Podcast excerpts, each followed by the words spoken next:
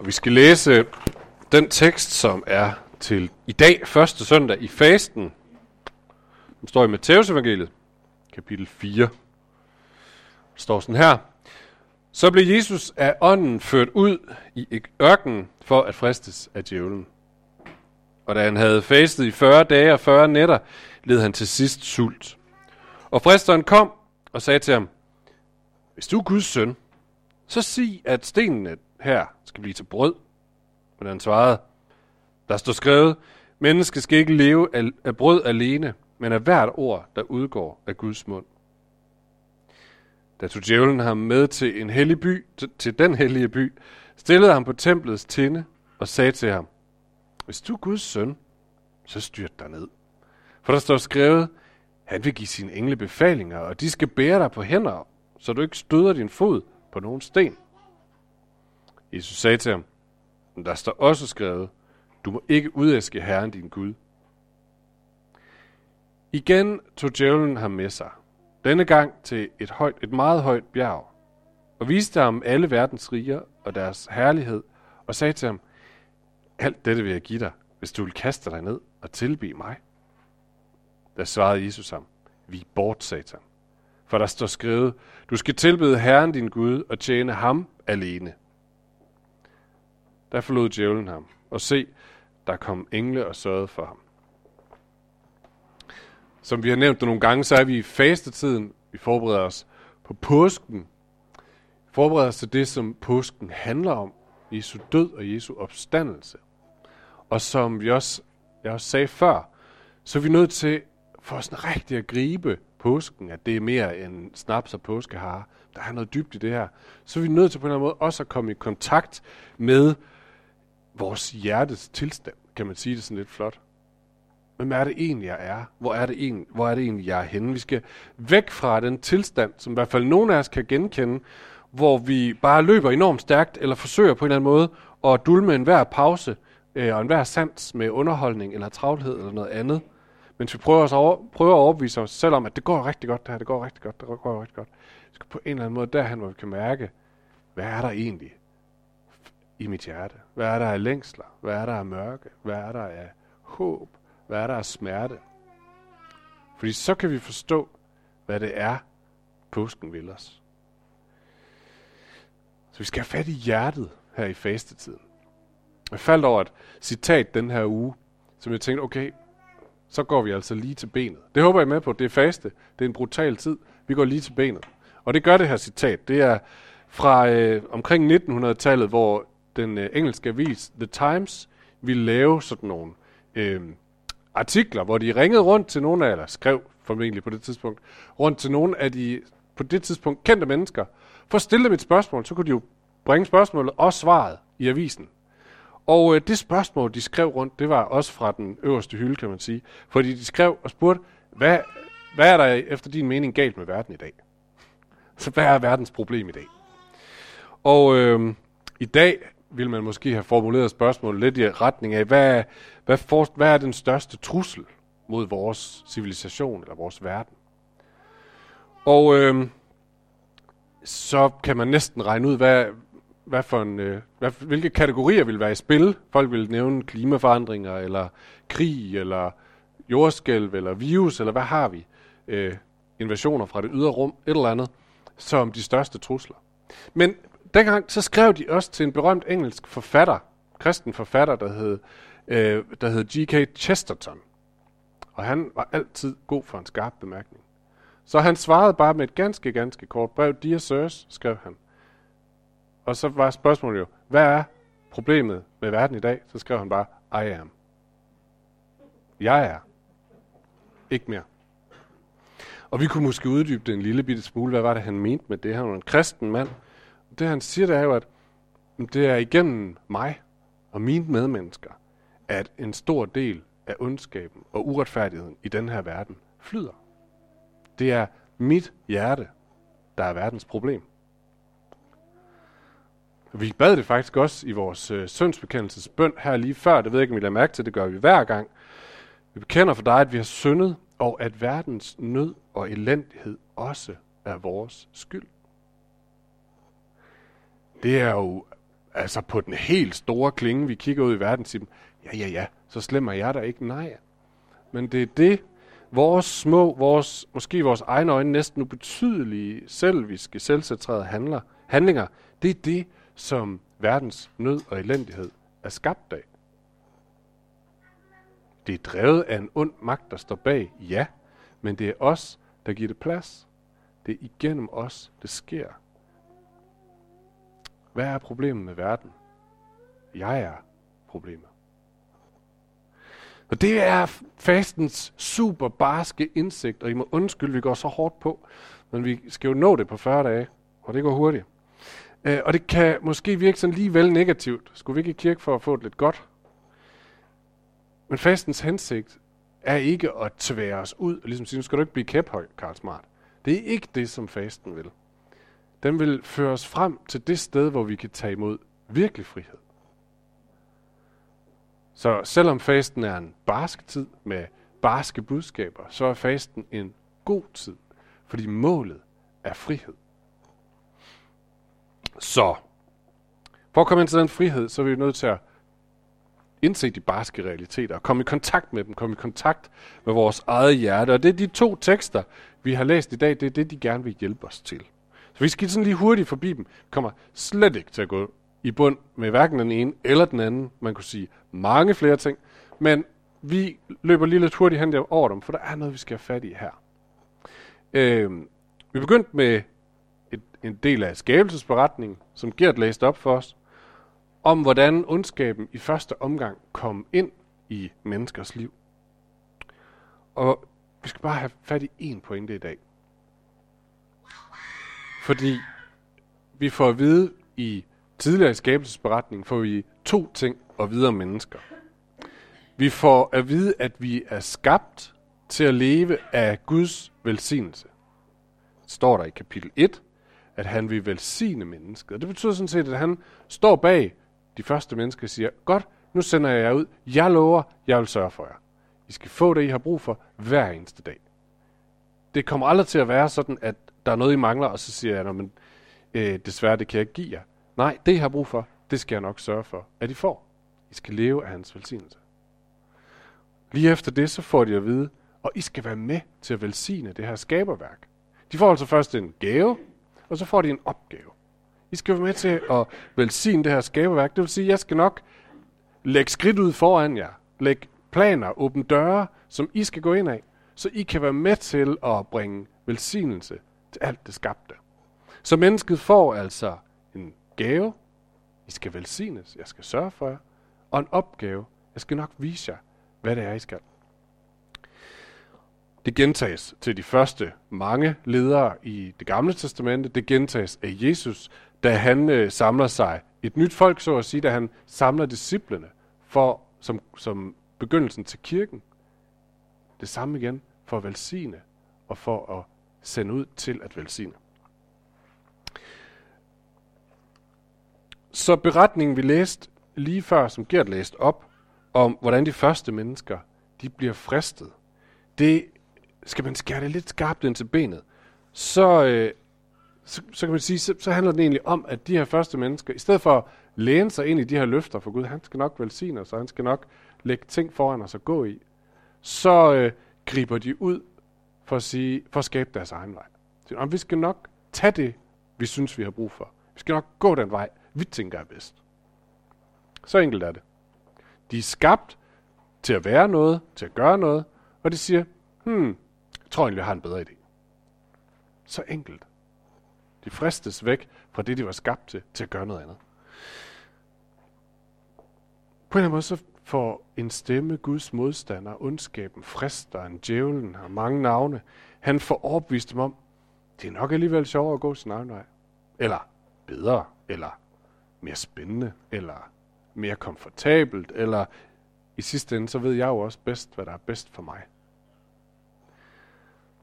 Og det, næsten, det næsten, næsten komiske, det er, jamen, har han så et eller andet stort, spektakulært til dem, han ligesom kan friste dem over i? Nej. Hvad er det, han frister dem med? Et stykke frugt. Prøv at spise det her. Er det forkert at spise frugt? Nej. Nej, vi har endda fået at vide, at det er sundt. Så det skulle antageligvis være sundt at spise et stykke frugt. Så øhm, det er sikkert ikke så svært at overbevise dem om, at det kan ikke være så slemt. Det, det er da sundt. Men det her frugt bliver ligesom symbolet på at tage et skridt væk fra det, som Gud sagde, de var, til at blive det, de selv synes, de skulle være. Og næste kapitel bliver det til et jalousidrab. To kapitler senere til syndfloden. Og så er vi her, hvor vi er i dag. Så det er den første tekst. Mennesket bliver skabt til at være noget, blive velsignet, til at gå med Guds velsignelse, men siger, ja, jeg tror egentlig, jeg har en bedre vej selv. Træd ud af det, Gud har skabt, eller Gud har givet os, gå en anden vej. Så lad os gå til den anden tekst, fordi det er den point, jeg har lyst til at gå meget mere ind i, men det skal vi ikke. Adam hed den første mand. Jesus bliver kaldt den nye Adam. Det er som om, vi får en chance til, eller han gør det en gang til. Og det kan vi prøve at kigge på. Så på en eller anden måde, så spejler den næste beretning her, den første beretning. Øhm, så Jesus er på vej ud i det kald, han har. Han er på vej til at begynde sin offentlige tjeneste. Og lige inden det, vi, vi, vi lige læste her, øhm, der er han blevet øh, døbt af Johannes døber i ørkenen, og Guds stemme lød over ham. Han fik at vide, du er det af min elskede søn. I ham har jeg fundet velbehag. Og nu er han blevet ledt af helgeren ud i ørkenen for at være alene i faste og bøn, inden han skal træde ud i sin tjeneste. Og når vi læser det, så skal vi huske, at Jesus er Guds søn. Det vil sige, at han har et særligt kald. Der er noget, han skal, vi ikke skal. Men Jesus er også helt menneske. Og Hebræerbrevets forfatter fortæller os, at han bliver fristet i alle ting, ligesom vi. Så er der også et menneske. Og ligesom den første Adam trådte ud i skaberværket med den her stemme over sig, og sagde, jeg vil velsigne dig. Du er skabt af mig i mit billede, jeg skal sørge for dig. Og her kan du være med til at velsigne. Så træder Jesus ud i sin tjeneste og får at vide, du er min søn. Her ligger din opgave. Og hvordan går det så? Fordi Guds modstander ønsker selvfølgelig også at forhindre det her. Så han går hårdt til det. Og han har tre fristelser. Tre forsøg på at tage Jesus og bare lige lede ham lidt væk fra det, som Gud egentlig kaldte ham til. Bare lige lede ham en lille smule på en anden sti. Og måske kan vi bruge det, øh, vi ser Jesus blive fristet i her, til noget for os selv. Lad os prøve. Hvad er det første, han blev fristet med? Et stykke brød. Lav stenen om til brød, siger han, fristeren. Du er sulten, og du er Guds søn. Du er på en vigtig opgave. Du fortjener et stykke brød, og det er i øvrigt vigtigt, du er skarp til det næste, der kommer her. Man kan ikke være skarp, hvis man går og er sulten. Så tag du et stykke brød. Er det forkert at spise brød? Nej. Er det forkert at lave sten til brød? Ikke så vidt vi sådan kan se i Bibelen. Senere så laver Jesus en madpakke om til hundredvis af kilo brød. Det virker ikke som om brød i sig selv er forkert. Øh, synes Gud, at vi skal være sultne sådan generelt? Nej, det virker det ikke til. Et par kapitler senere, der siger Jesus, at, at øh, vores himmelske far, han kunne lave, hvad hedder det, han vil ikke give sine børn en sten, hvis de beder om et stykke brød, fordi han vil gerne, at de skal få noget, de kan spise. Så det kan jo ikke være helt forkert, alt det her. Så hvad er egentlig fristelsen? Hvad er det, han prøver fristeren over for Jesus her? Jeg tror, det er, at han prøver at sige, sådan for Jesus til at tænke, Nå, men Gud han sørger nok egentlig ikke rigtigt for mig. Det der løfter om, at han ville sørge for mig, øh, når jeg træder ud i det, han kalder mig til, det kommer han ikke helt til at holde. Så jeg må hellere selv gribe ud og sørge lidt for mig selv. Vi læste, at det har vi så ikke læst. Jo, det læste vi. Det første kapitel, det første vers, der læste vi, at det var Helligånden, der førte Jesus ud i ørkenen. Så Jesus er der altså ikke ved et tilfælde, Nej, det, det er Gud, der har sat ham stævne ud i ørkenen. Det er Gud, der vil et eller andet med ham der. Det er ham, der har sagt, Jesus, kom, vi skal herud, vi har noget, vi skal arbejde med. Det, så det er helt tydeligt. Det var Guds vilje, at han var i ørkenen. Og hans løfte er, og jeg skal nok sørge for dig der. Og nu prøver fristerne at sige, Mm, men måske sørger han ikke helt for dig. Måske skal du lige, måske er der et, et bundniveau, du ligesom selv skal klare først.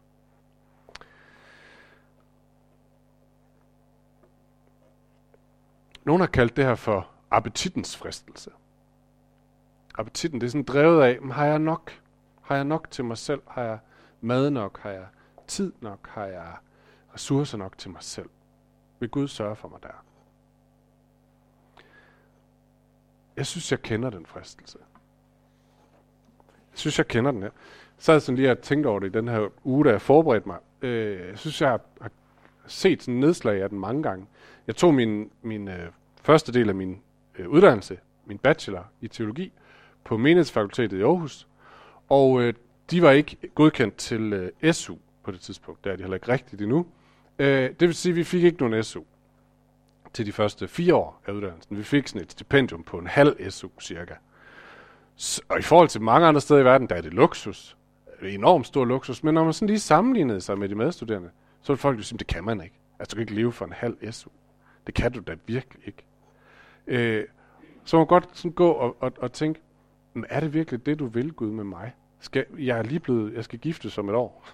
Og min kone, hun bliver gravid om to år. Og det vidste jeg så ikke, men det gjorde hun så. Øh, det, det kan du da ikke. En halv SU, det er da latterligt. Øh, så jeg må hellere selv sørge for mig selv. Ikke? Den fristelsen var der. Så, øh, så blev jeg færdig på et tidspunkt, og så øh, fik jeg læst min kandidat også, og så flyttede vi til Odense med den her klare fornemmelse af, at Gud sagde, det er det, vi skal. Det er det, I skal.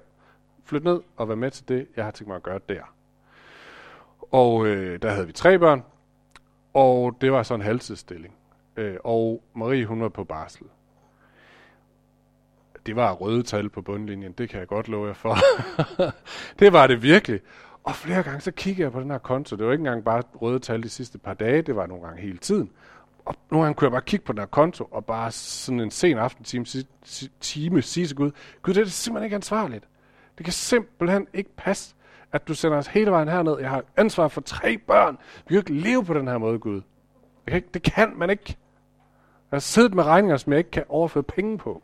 Det kan ikke passe. Du har ikke taget ansvar for mig.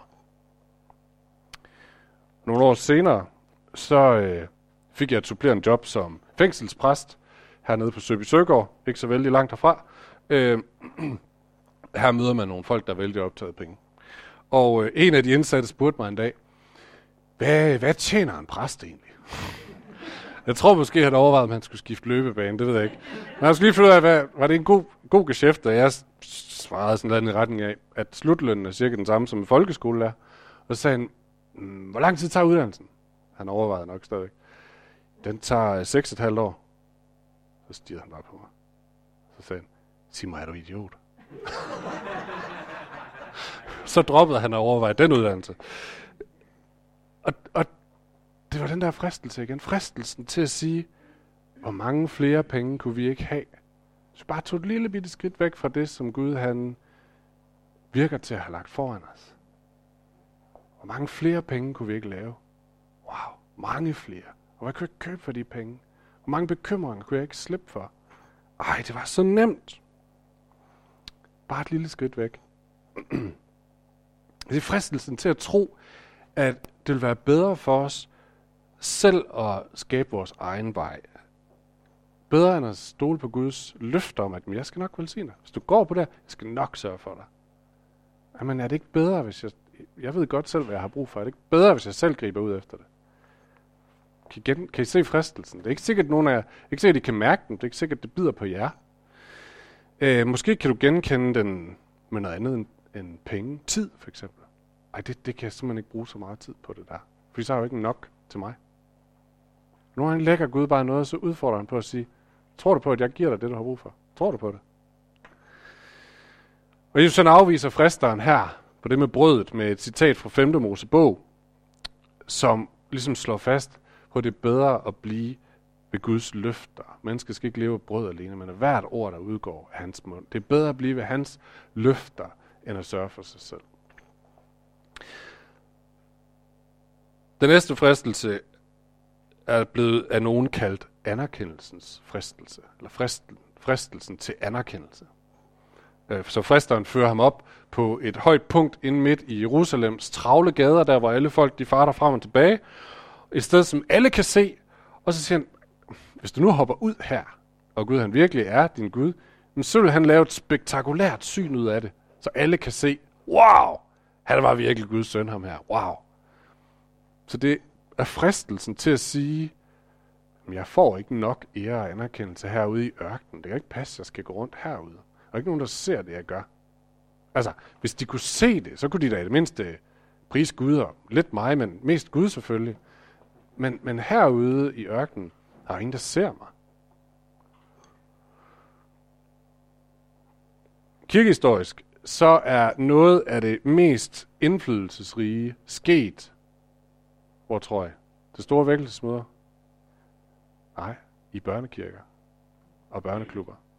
Min professor i kirkehistorie på, på, på da jeg læste teologi, lavede en undersøgelse i det, og kunne ligesom bare se, kimen til alle de store vækkelser, meget, meget ofte er det startet igennem trofaste børnekirkeledere. Hvad for en tjeneste tror jeg det er sværest at rekruttere folk til i kirken? Børnekirken. Børnekirken. Jeg ser det virkelig ikke som sådan en eller anden øh, skyldfølelsesting på nogen. Øh, måske kan jeg give dem en krammer, de to seje børnekirkeledere, vi har i dag, når de kommer op. Men hvorfor er det så svært at skaffe børnekirkeledere? Er det fordi, at Gud han kalder for få? Det tror jeg ikke. Er det fordi, de larmer? Måske. Eller er det fordi, man ser dem ikke?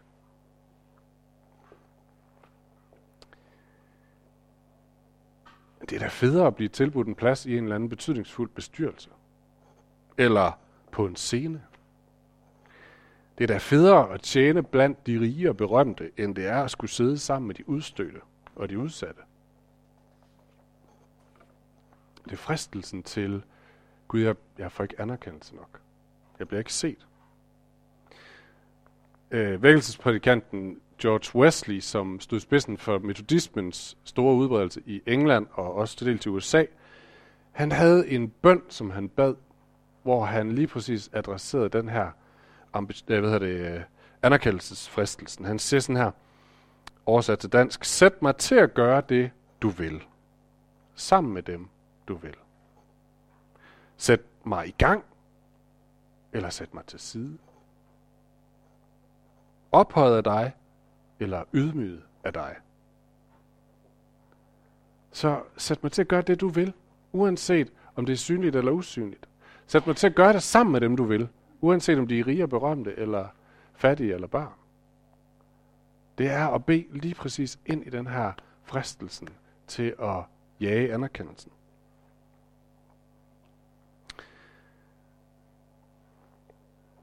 Og måske er det den, vi kan genkende os selv mest i.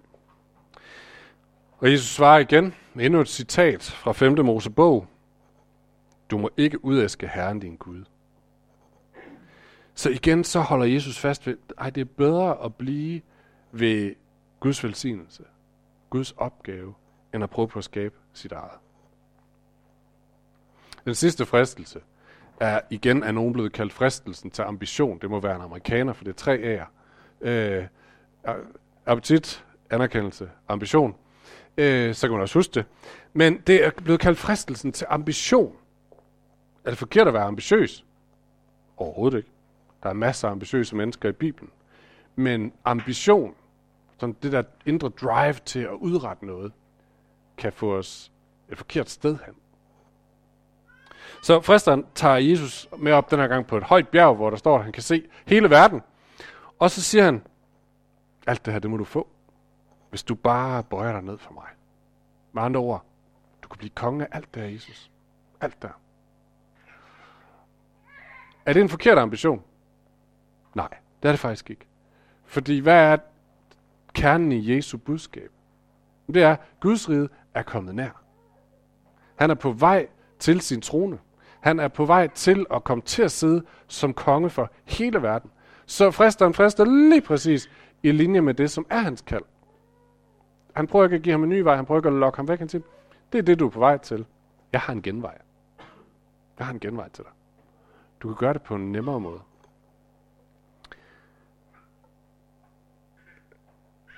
Og øh, Jesus ville sikkert være blevet en rigtig god konge. Det tror jeg. Også hvis han havde taget den der genvej. Jeg tror, han var blevet en skøn konge at være under. Men genvejen her, hvad består den i? Det består i at gå udenom korset. Fordi Jesus han ved godt, når man, jeg skal være konge, jeg skal bringe Guds rige. Det skal blive til frelse for mennesker.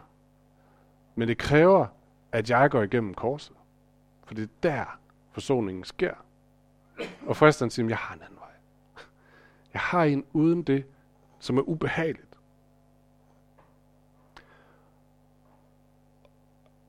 Vi ved senere, så øh, kommer en af Jesu disciple, Peter, med den samme fristelse. Han, Jesus han er ved at forklare, hey, lige om lidt, så kommer det her, vi har gang i her, til at betyde, at jeg skal lide og dø på et kors. Og så kommer Peter, han siger, Jesus, det er en dårlig plan. Det er en dårlig, ja, skal, vi, kom, skal vi ikke gøre noget andet? Og der bliver Jesus meget sur, og vender, rundt, vender sig rundt og siger, vi bag mig, satan. Fordi jeg tror, og det er bare mit gæt, fordi jeg tror, at den her fristelse, den rammer ham lige i hjertet. Fordi han ved godt, at jeg har overhovedet ikke lyst til det, det koster at skulle blive konge i det her rige. Jeg har så meget lyst til at tage en lettere vej. Jeg har så meget lyst til at sige, Gud, kan vi dog ikke gøre det på en anden måde? Så fristelsen rammer ham. Men han ved, at skal det rige, han bygger, blive mere end bare sådan et skønt lille jordisk rige, skal det blive til frelse for mennesker, så er vejen at gå igennem korset.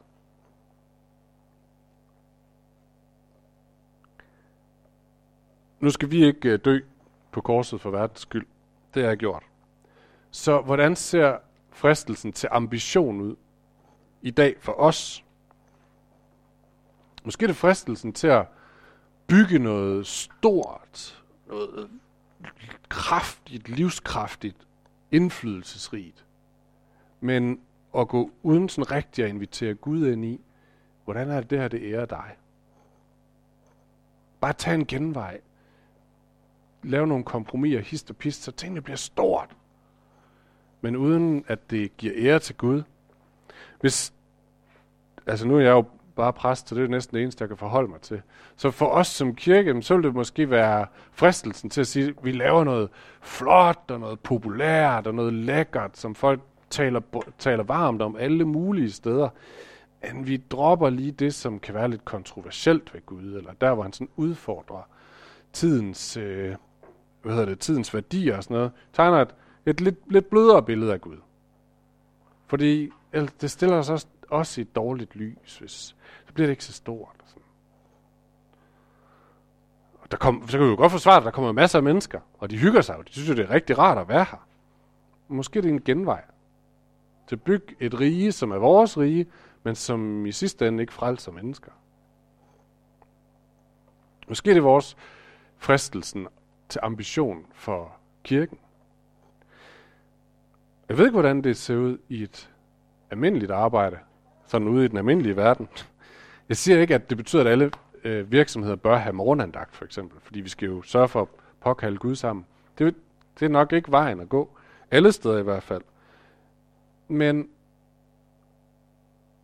men alle os, der har et arbejde, vi bruger faktisk rigtig, rigtig mange timer af vores øh, uge på at være med til at bygge noget, som er stort og forhåbentlig bringer mennesker noget gavn og noget glæde. Øh, vi bygger på vores egen karriere. Øh, vi bruger vores ambition til det. Hvordan kunne det se ud, hvis vi skal give ham æren i det? Hvis vi skal sørge for, at han får ære ud i det, hvordan kan man gøre det, også selvom det måske karrieremæssigt eller relationelt ligner et selvmord? Måske er det, måske er det også det, fristelsen handler om her.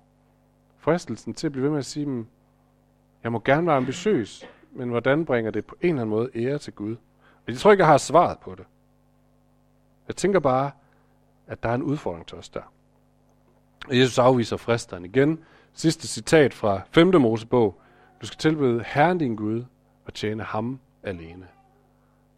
Det er hans forsørgelse, det er hans planer, vi går i. Godt. Vi skal slutte det af. Så fristelsen var ikke til at gøre noget voldsomt forkert altid. Øhm, det er oftest bare at tage et små skridt væk fra Guds løfte og fra Guds kald, med alle mulige gode undskyldninger undervejs, men med det resultat, at vi bygger ikke på Guds rige, vi bygger på vores eget rige.